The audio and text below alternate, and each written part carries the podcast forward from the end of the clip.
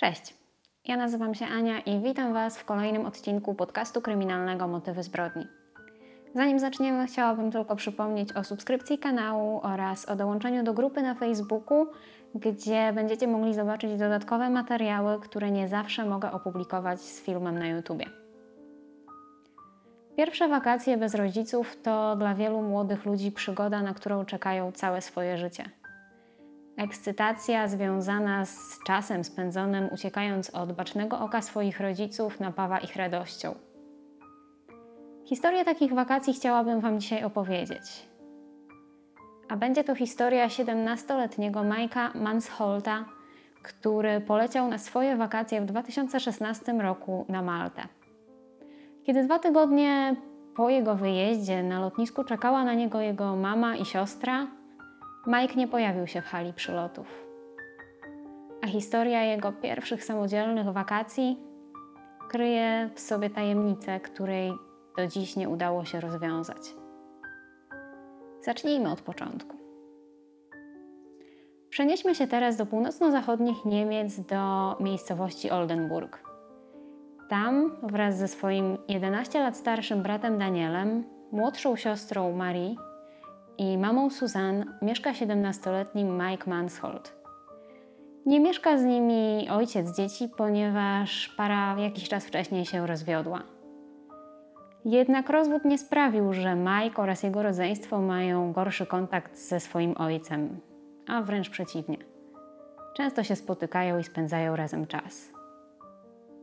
To właśnie ojciec Majka zaraził go miłością do podróżowania i przygód. To z nim Mike pływał na rejsy po Karaibach, czy też chodził na hiking w dzikiej Kanadzie. Kiedy Mike miał 5 lat, cała rodzina wybrała się na rejs dookoła świata, który trwał prawie 700 dni. Więc jak widzicie, rodzina bardzo chętnie i bardzo często spędzała czas podróżując i odkrywając świat. Prawdopodobnie całe dzieciństwo i, i to, czego był nauczony, w dużej mierze ukształtowało, jakim człowiekiem stał się Mike. Chłopak był otwarty, miły, jednak dość spokojny, ale ciągle szukał przygody. Ojciec Majka twierdzi, że nigdy nie pakował się w problemy. Nie szukał negatywnych przygód w tym, w tym znaczeniu. Raczej chciał zobaczyć kawałek świata. Zdjęcia Majka, które możemy znaleźć w internecie, doskonale ukazują, jakim był chłopakiem. Młody, uśmiechnięty, pełen życia i planów na przyszłość. Taki sympatyczny chłopak z sąsiedztwa. W 2016 roku Mike skończył szkołę trochę wcześniej niż e, inni nastolatkowie w jego szkole.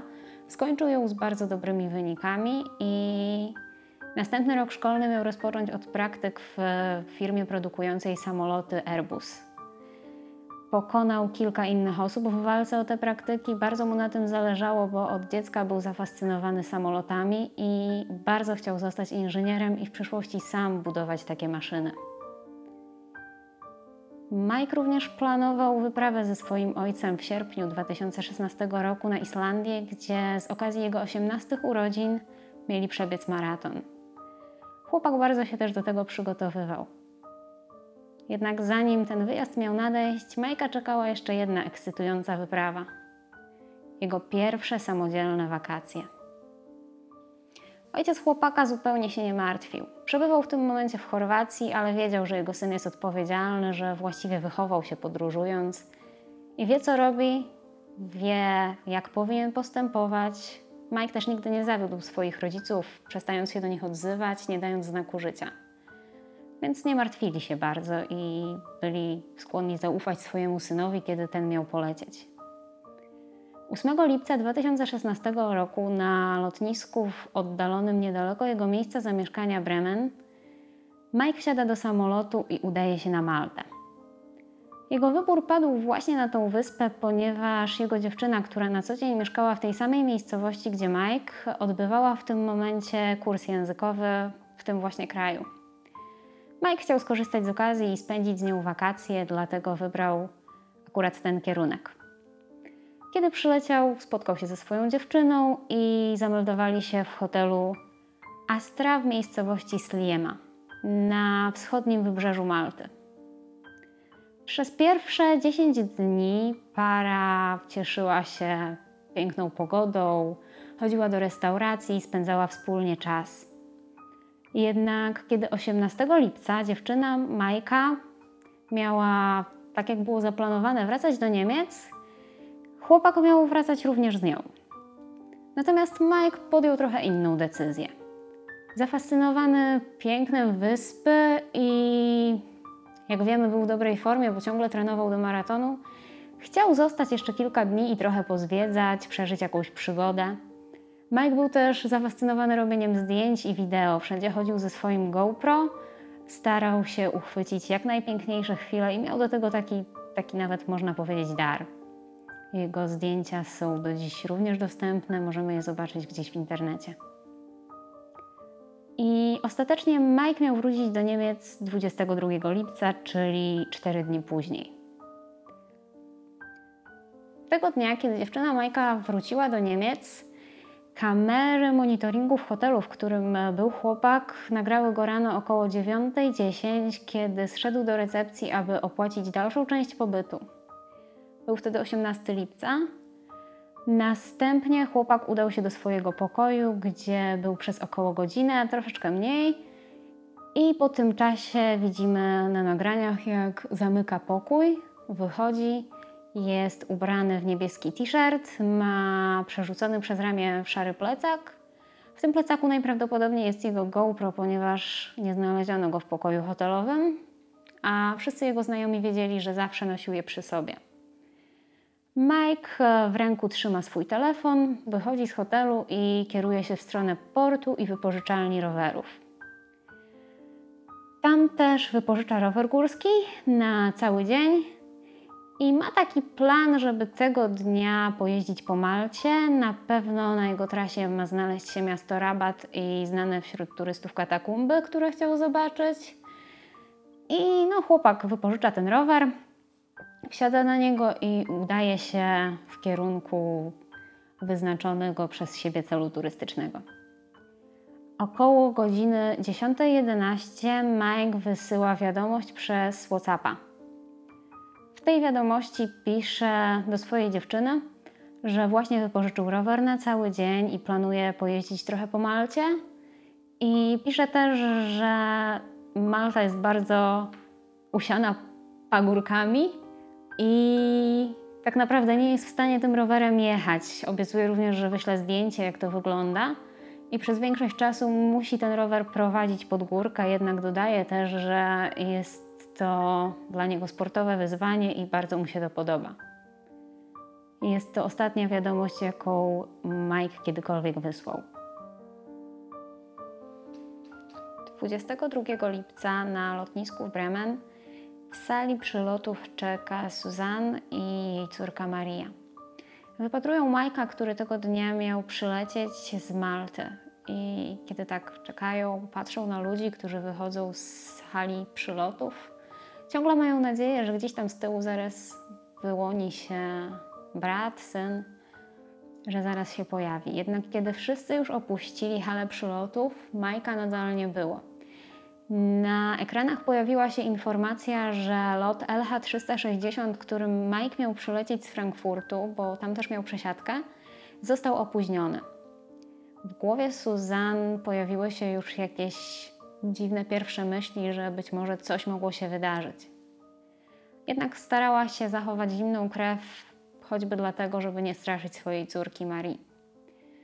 Jednak kiedy po chwili pojawiła się informacja, że lot z Frankfurtu został całkowicie odwołany, kobieta zaczęła niepokoić się dużo bardziej. Natychmiast postanowiła zadzwonić do swojego syna, była przekonana, że ten utknął we Frankfurcie.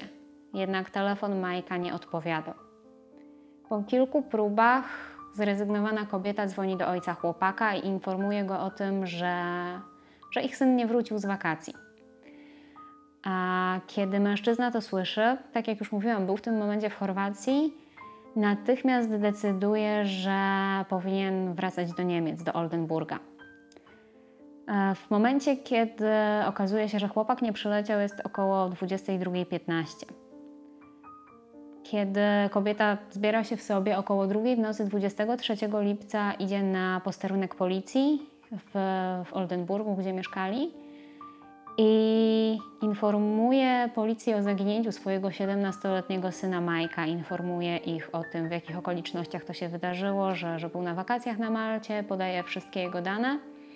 I kiedy policjant na służbie wbija te dane do komputera, do systemu, okazuje się, że od czterech dni Mike jest uznany za osobę zaginioną na Malcie i jest poszukiwany przez maltańską policję. Okazuje się, że kiedy chłopak nie zwrócił roweru i nie wrócił do hotelu tego samego dnia, kiedy go opuścił, menedżer hotelu zgłosił jego zaginięcie. Kobieta jest zszokowana, ponieważ rodzice nie zostali poinformowani o tym i od czterech dni tak naprawdę nic nie wiedzą. Władze Malty oraz maltańska policja szukają chłopaka. Potwierdzili, że chłopak nie opuścił wyspy żadnym innym lotem. W danym momencie nie byli w stanie znaleźć żadnych rzeczy, które do niego należały przez te cztery dni poszukiwań. I w momencie, kiedy, kiedy Susan zgłasza zaginięcie chłopaka w Niemczech, policja na Malcie czeka na informacje odnośnie tego, czy nie przedostał się na inną z wysp obok Malty od operatorów promów. Natomiast te informacje jeszcze nie zwróciły. Kiedy Ojciec Majka dowiaduje się o sytuacji, o tym, jak to wszystko wygląda. Natychmiast decyduje się, aby zmienić kierunek powrotu i leci na Maltę. Nie wraca do Niemiec. Tam też leci jego o 11 lat starszy brat Daniel, aby wraz z ojcem przejść przez poszukiwania i odnaleźć chłopaka. Na miejscu wraz z policją e, rodzina szuka chłopaka, szuka jakichkolwiek śladów Malta to nie jest duża wyspa, mieszka tam mniej niż pół miliona ludzi, jest trochę turystów. Więc pytają ludzi, czy, czy ktoś ich nie widział. Pojawiają się również anonimowe tropy. Jedna z osób mówi, że widziała chłopaka w szpitalu, jednak to okazuje się tylko takim przywidzeniem po zasilnych lekach. Ktoś inny mówi, że widział go w podejrzanym barze, ale kiedy tam przyjeżdżają, nikt inny nie widział nikogo podobnego. A z hotelu Ojciec Majka otrzymuje spakowane jego rzeczy, pokój już został opróżniony. I takie poszukiwania trwają przez cztery kolejne dni. Osiem dni od zaginięcia chłopaka, czyli 26 lipca, policja otrzymuje anonimowe zgłoszenie. Do dziś nie wiadomo, kto zgłosił te informacje, natomiast osoba, która zadzwoniła, poinformowała policję, że Majka należy szukać na klifach Dingley.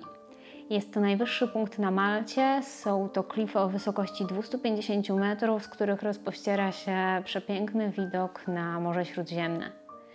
E, klify te również są niedaleko miejsca, którym Mike odwiedził i być może chłopak chciał pojechać kawałek dalej i zobaczyć ten widok. Pamiętajmy, że był zafascynowany fotografią, robił sobie wideo ze swoim GoPro, więc może chciał uchwycić ten piękny widok. Policja udaje się na miejsce, mają ze sobą psy tropiące i te psy coś wyczuły. Kiedy przyjeżdża ojciec i brat Majka na, na te klify Dingley, są już tam reporterzy z lokalnych e, telewizji, czekają na niego, natomiast nikt nie pozwala ojcu zejść niżej. Po kilku godzinach poszukiwań policja wraca z informacją, że odnaleziono ciało chłopaka – leżał na dole jakieś e, kilkadziesiąt metrów, przykryty gałęziami i leżał w takim zagłębieniu klifu, jak e, zresztą możecie zobaczyć to na YouTubie. Jak ta cała sytuacja wyglądała, ja również opublikuję link do wideo na grupie na Facebooku, także zachęcam, abyście mogli zobaczyć, jak to mniej więcej wyglądało. Ciało chłopaka było przykryte krzakami, Trochę nad nim wisiał rower, który również był zahaczony o jakieś krzaki. A oczywiście Mike nie żył. Policja zaczęła wybierać jego zwłoki i przekładać je do białego worka. Kiedy ojciec nie chciał słuchać, że ma zostać na górze, zbiegł od razu na dół i, i chciał zobaczyć swojego syna.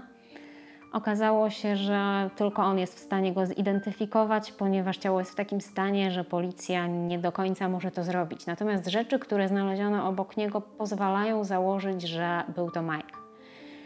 A co obok niego znaleziono? Znaleziono buty, których nie miał na nogach, a leżały obok. Znaleziono również odrobinę świeżej trawy i jego okulary przeciwsłoneczne.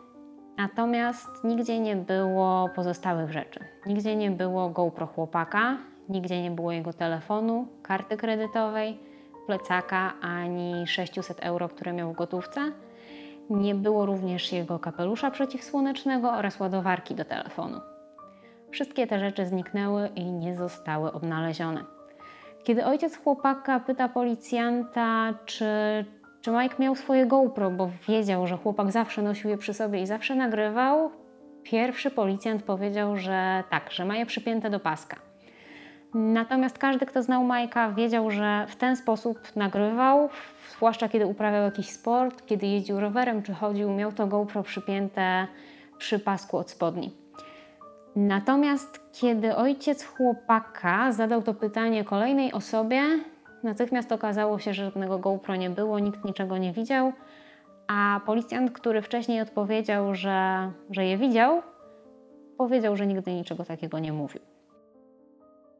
Kolejną zastanawiającą rzeczą był, była ta odrobina świeżej trawy. Ojciec chłopaka miał możliwość, kiedy, kiedy to wszystko się tam działo, miał możliwość porozmawiania z farmerem, do którego należały te działki i zapytał tego mężczyznę, czy, czy być może ma pojęcie, skąd ta świeża trawa mogła się tam wziąć. Mężczyzna w dość taki niesympatyczny sposób powiedział, powiedział mu, że nie. Zapytał również o plecak chłopaka, czy gdzieś tutaj być może go nie widział, może pusty, może z rzeczami. I miał takie nieodparte wrażenie, że farmer być może coś wie, natomiast nie do końca chce z nim rozmawiać.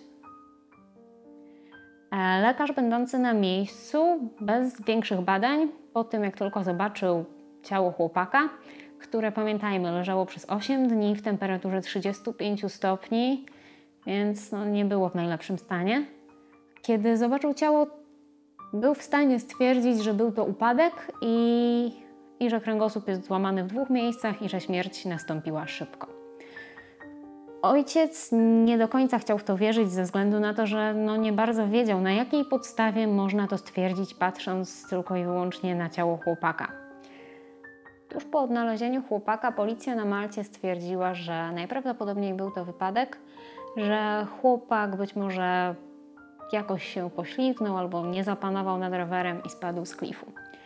Ojcu chłopaka bardzo ciężko było uwierzyć w tę teorię, ponieważ e, Ciało było lekko schowane pod tym klifem, więc mężczyzna nie do końca był w stanie sobie wyobrazić, jak ktoś, kto spada z klifu, jest w stanie się schować, mając złamany kręgosłup, w dodatku ten rower jeszcze wisi nad nim. Nie do końca to wszystko tak jakby składało się w sensowną całość. Mike został poddany autopsji w szpitalu Mater Dei na Malcie i w trakcie trwania tej autopsji ojciec był obecny, Lekarka, która ją prowadziła, wzięła na chwilę ojca Majka na bok i powiedziała mu, że żadna kość nie została złamana. Co, nie oszukujmy się, jest dość dziwne w przypadku upadku z dość dużej wysokości. Kiedy mężczyzna zaczął zadawać pytania o to, o stan jego, jego syna na policji, a lekarka natychmiast zaprzeczyła, że podała takie informacje. Ojciec coraz bardziej napierał na maltańską policję, aby usłyszeć odpowiedzi. Nie wierzył w ich teorię na temat śmierci swojego syna i chciał się dowiedzieć przede wszystkim, gdzie jest GoPro i czy zamierzają podjąć jakieś dalsze kroki odnośnie tego, odnośnie zbadania przyczyny śmierci Majka. A zdenerwowany policjant na kolejne pytania o to, gdzie jest to GoPro, wcisnął ojcu starego kanona, który ewidentnie nie przypominał GoPro, które Mike posiadał, i zapytał, kiedy ten zamierza opuścić wyspę. Ciało jego syna zostało znalezione, więc fajnie by było, gdyby mężczyzna wrócił do Niemiec i tam zajął się pogrzebem swojego syna i nie zadawał zbyt dużo pytań, które wydają się niewygodne. Cóż, w tym czasie e, Suzanne, matka Majka, przeżywała swoją żałobę i tragedię w Oldenburgu, jednak ciągle śledziła postępy w śledztwie i, i to, co robi jej były mąż. A natomiast Bernd postanowił, że on nie ma już czego szukać na Malcie i raczej nie znajdzie tutaj odpowiedzi, więc wsiadł w samolot i wrócił do Niemiec. 17 sierpnia do Niemiec przyleciało także ciało ich syna, które od razu trafiło do domu pogrzebowego. Za trzy dni, czyli dokładnie w dzień 18 urodzin chłopaka, kiedy miał się odbyć maraton w Reykjaviku, zaplanowano pogrzeb. Jednak kiedy osoba pracująca w domu pogrzebowym mm, po raz pierwszy przeniosła trumnę i, i zaczęła ją otwierać, zobaczyła coś dość mocno zaskakującego. Chociaż mogłoby się wydawać, że rodziny Majka nie zaskoczy już nic w tej sytuacji, to, to ta wiadomość była no, zaskakująca, to jest, to jest dobre słowo. Być może nawet niewiarygodna. Mężczyzna, widząc to, co zobaczył, udał się jak najszybciej na posterunek niemieckiej policji i tam powiedział, że trumna ważyła 16 kg wraz z ciałem chłopaka, który miał 18 lat, był zdrowy, wysportowany, więc jest to niemożliwe. Po otwarciu tej trumny wyczuł również zapach e, niektórych chemikaliów, które powinny być stosowane do balsamowania, jednak ciało nie było zabalsamowane, co jest dość dużym naruszeniem, jeśli chodzi o kwestie higieniczne, ponieważ chłopak przeszedł autopsję na Malcie i ze względów higienicznych powinien zostać zabalsamowany, zanim wróci do innego kraju drogą lotniczą. Niemiecka policja postanowiła przyjrzeć się temu i ciało Majka zostało zabrane na kolejną autopsję, tym razem w Niemczech. I co ciekawe, kiedy lekarz zobaczył to ciało, było ono zapadnięte. Rzeczywiście ważyło te 16 kg. Co się okazało? Mike wrócił niekompletny, a w jego ciele brakowało takich organów jak mózg, żołądek, płuca i jedna nerka. Reszta organów, które w ciele zostały, były w jakiś sposób uszkodzone, na przykład nerka była w kawałkach. Było to dość dziwne odkrycie i, i bardzo niespodziewane, ponieważ z reguły po autopsji ciało zostaje wypełnione i, i, te organy zostają odłożone na miejsce. Ewentualnie w dość skrajnych przypadkach ciało jest wypełnione watą albo, albo innym wypełniaczem, natomiast nigdy nie jest zwracane rodzinie w takiej formie.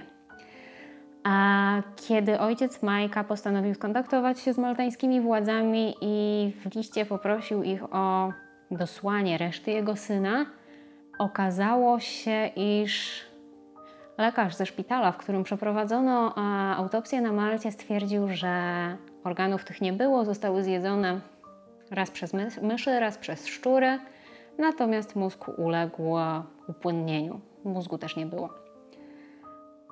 Mm. Rodzina nie do końca chciała w to wierzyć. Niemiecka policja doszła do wniosku, że śledztwo zostało zaniedbane na Malcie i uznali je za sprawę karną oraz postanowili otworzyć je ponownie. Niemieccy kryminologowie starali się dowiedzieć, jaka mogła być przyczyna śmierci chłopaka. A w pierwszej kolejności uznali, że mogło to być spowodowane krwawieniem wewnętrznym, takim jakby krwotokiem, natomiast brak organów nie pozwalał im tego stwierdzić w 100%. Drugim powodem, który według nich miałby tutaj sens, byłoby uduszenie, ponieważ u chłopaka brakowało kości gnykowej, która z reguły zostaje uszkodzona w trakcie uduszenia. Natomiast no, nie mając tej kości, też nie, mo nie można było potwierdzić tego w 100%. Niemiecka policja rozpoczęła od powiedzmy usuwania tych najmniej realnych teorii i rozpoczęli od tego, aby zaprzeczyć, że mogło to być samobójstwo. Chłopak był szczęśliwy, miał plany na przyszłość, miał plany tak naprawdę na za miesiąc i nic, absolutnie nic nie wskazywało na to, że mógłby chcieć odebrać sobie życie. Więc ta teoria została w pierwszej kolejności odsunięta i uznana za mało wiarygodną. Kolejna teoria, która w Niemczech wydawała się absolutnie niewiarygodna, to teoria, którą przyjęła maltańska policja. Teoria o upadku z klifu, o takim samoistnym upadku. A, a czaszka chłopaka nie była pęknięta, nie miał żadnych złamań, tak naprawdę nie nosił żadnych śladów, że mógłby upaść z tego klifu. Poza tym jego ciało było umiejscowione w taki sposób, że wydawało się to nierealne, więc ta teoria również została odsunięta. Tutaj można byłoby spekulować, że był ten krwotok wewnętrzny, natomiast no, bez organów nie dało się w 100% stwierdzić, że mogło to się wydarzyć. Kolejna teoria, która wydawała się trochę bardziej realna, była teorią o wypadku, o tym, że Mike został uderzony jakimś samochodem. Kierowca, który wysiadł, zobaczył, co się wydarzyło, spanikował, postanowił schować ciało chłopaka, zabrać jego rzeczy. Być może kamera GoPro nagrała to wydarzenie, więc postanowił pozbyć się dowodów i odjechał. Ta teoria nie jest wykluczona, jednak e, na ciele chłopaka nie znaleziono niczego, co by sugerowało, że został potrącony przez samochód. Rower też nie nosił jakichś takich bardzo znaczących śladów wypadku. Następna teoria mówi o tym, że chłopak został ofiarą nielegalnego polowania na ptaki.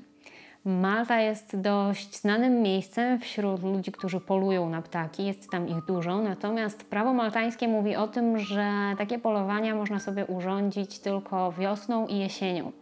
Natomiast Mike zginął latem. Oczywiście ktoś mógł takie prawo złamać. Jednak no tutaj odpuszczono tą teorię.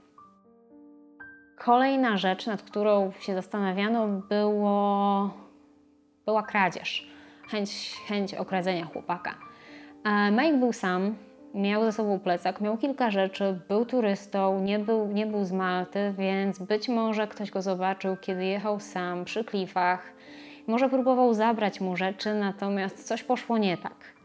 Jednak znowu, na ciele chłopaka nie znaleziono absolutnie żadnych śladów, które wskazywałyby na jakąkolwiek bójkę, na to, że był gdzieś więziony, przetrzymywany. Więc tutaj w tą teorię też trochę ciężko było, ciężko było ją potwierdzić. Kolejna taka najbardziej powiedzmy wstrząsająca i niewiarygodna teoria jest związana z tym, w jakim stanie ciało Majka wróciło do Niemiec, a mianowicie mówi się o tym, że chłopak mógł paść ofiarą handlarzy organami. Natomiast sytuacja wygląda tak, że na Malcie nigdy nie został zgłoszony ani jeden przypadek tego typu procederu. Stąd też niemiecka policja odpuściła ten wątek dość szybko. Przyjęli, że jeśli chodzi o organy chłopaka, najprawdopodobniej doszło do jakiegoś zaniedbania w trakcie autopsji na Malcie i to jest głównym powodem tego, w jakim stanie ciało wróciło do Niemiec.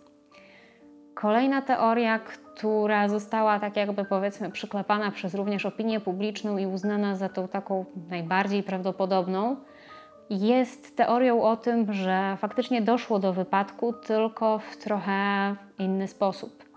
Otóż e, mówi się, że Mike zszedł z tego klifu i próbował wejść na górę.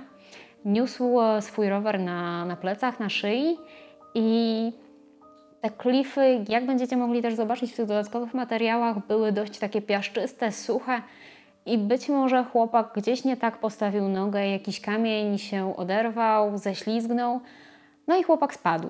A być może ten rower go gdzieś tam uderzył, ewentualnie został ranny i nie był w stanie wejść na górę. Być może gdzieś tam właśnie wczołgał się, aby schować się przed słońcem pod, do, pod ten klif, żeby być trochę bardziej w cieniu, a to też tłumaczyłoby, dlaczego ten rower zawisł nad nim.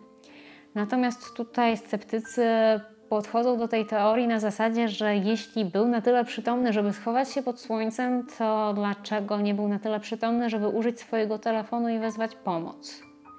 Prawdopodobnie zaraz po tym, kiedy taki wypadek miał miejsce, te rzeczy jeszcze gdzieś tam obok niego były i nikt ich nie ukradł. Stąd też ta teoria z jednej strony wydaje się być dość prawdopodobna, natomiast z drugiej strony ma tutaj jakieś niedopowiedzenia, które, które mogłyby ją obalić. 4 września 2016 roku odbywa się pogrzeb Majka, właściwie tego, co zostało z jego ciała, i jego szczątki zostają rozsypane w oceanie. Jego rodzina twierdzi, że, że właśnie to jest właściwe miejsce i że tego bardzo by chciał. Ojciec chłopaka ciągle nie wierzy w teorię, która została przyjęta i ciągle nie wierzy, że był to wypadek. Bardzo pragnie usłyszeć fakty. Nie chce zagubić się w teoriach spiskowych, ale ciągle szuka odpowiedzi. Nie wierzy w to, że, że jego syn mógł mieć tak prozaiczny wypadek i ciągle wierzy w to, że gdzieś tam jest morderca, który przyczynił się do śmierci jego syna. Bernard wraca na Maltę. W listopadzie 2017 roku odwiedza miejsce, gdzie znaleziono zwłoki jego syna. Są z, nimi, z nim studenci, którzy chcieli w jakiś sposób pomóc mu w tych poszukiwaniach i, i powiedzmy, że również jakoś tam przeżywali tą historię, bo Mike również był młodym człowiekiem. A jego ojciec udaje się również do lekarza, który przeprowadzał autopsję i ma swoją listę pytań. Natomiast mężczyzna ten absolutnie nie chce z nim rozmawiać i ostatecznie pyta tylko, kiedy Bernard, Bernard w końcu opuści wyspę. A cóż, mężczyzna wraca do Niemiec, udaje się do Berlina, do ambasady Malty i tam prosi ambasadora o to, aby maltańska policja odesłała mu wszystkie akta, które zostały zebrane podczas, podczas śledztwa. Chciałby je przejrzeć, zobaczyć i tak naprawdę wierzy w to, że dowie się choćby gdzie podział się sprzęt i, i on ciągle wierzy w to, że, że to GoPro było przy jego synu. A tak też się dzieje. A co się dzieje później? Na kilka dni później do Ministerstwa Spraw Zagranicznych Niemiec trafiają akta z Malty. Natomiast w aktach tych pominięte są wszystkie rzeczy, na których zależało ojcu, i, i te wszystkie szczegóły, na które odpowiedzi mężczyzna szuka tak bardzo od, od tak dawna. W styczniu 2018 roku sprawa Majka zostaje wznowiona na Malcie, jednak po kolejnym śledztwie, gdzie ojciec chłopaka wierzy w to, że tym razem policja podejdzie do tego poważniej, że postara się odkryć faktyczną przyczynę śmierci jego syna, pod koniec tego śledztwa prokuratura i sąd na Malcie uznają, że był to wypadek i, i werdykt jest naprawdę taki sam jak na początku. A mężczyzna już nie do końca wierzy w to, że uda się dowiedzieć, co się stało z jego synem. E, natomiast tym razem otrzymuje pełne akta sprawy Majka. A są tam również zdjęcia z autopsji, które mężczyzna bardzo mocno chciał obejrzeć i które bardzo chciał przeczytać. Akt było mnóstwo i przejście przez nie zajęło naprawdę dużo czasu. Do dzisiaj nie wiadomo, co dokładnie było przyczyną śmierci chłopaka. Każda z teorii ma jakieś niedomówienia, jakieś punkty, do których moglibyśmy się przyczepić, aby je podważyć. I nie wygląda na to, że kiedykolwiek ktokolwiek dowie się, co się stało z młodym chłopakiem, który spędzał swoje pierwsze samotne wakacje. Mm, jego ojciec postanowił odpuścić. Doszedł do wniosku, że ciągle ma dwójkę dzieci i dla nich też warto żyć a być może historia Majka kiedyś się wyjaśni. Dziękuję za wysłuchanie historii do końca. To będzie już wszystko i podzielcie się w komentarzach, która teoria według Was jest najbardziej prawdopodobna, która jest najbliżej prawdy. Przede wszystkim powiedzcie, czy słyszeliście o tej sprawie i co o niej myślicie. Jeszcze raz zapraszam do dołączenia do grupy na Facebooku, gdzie będziecie mogli obejrzeć dodatkowy materiał z czasu, kiedy znaleźli ciało chłopaka na klifie Dingley i będziecie mogli zobaczyć, jak to faktycznie wyglądało. Jeżeli materiał Wam się podobał, pamiętajcie o zostawieniu łapki w górę, która umożliwi dotarcie tego materiału do większej ilości osób i mam nadzieję, że do zobaczenia za tydzień. Cześć!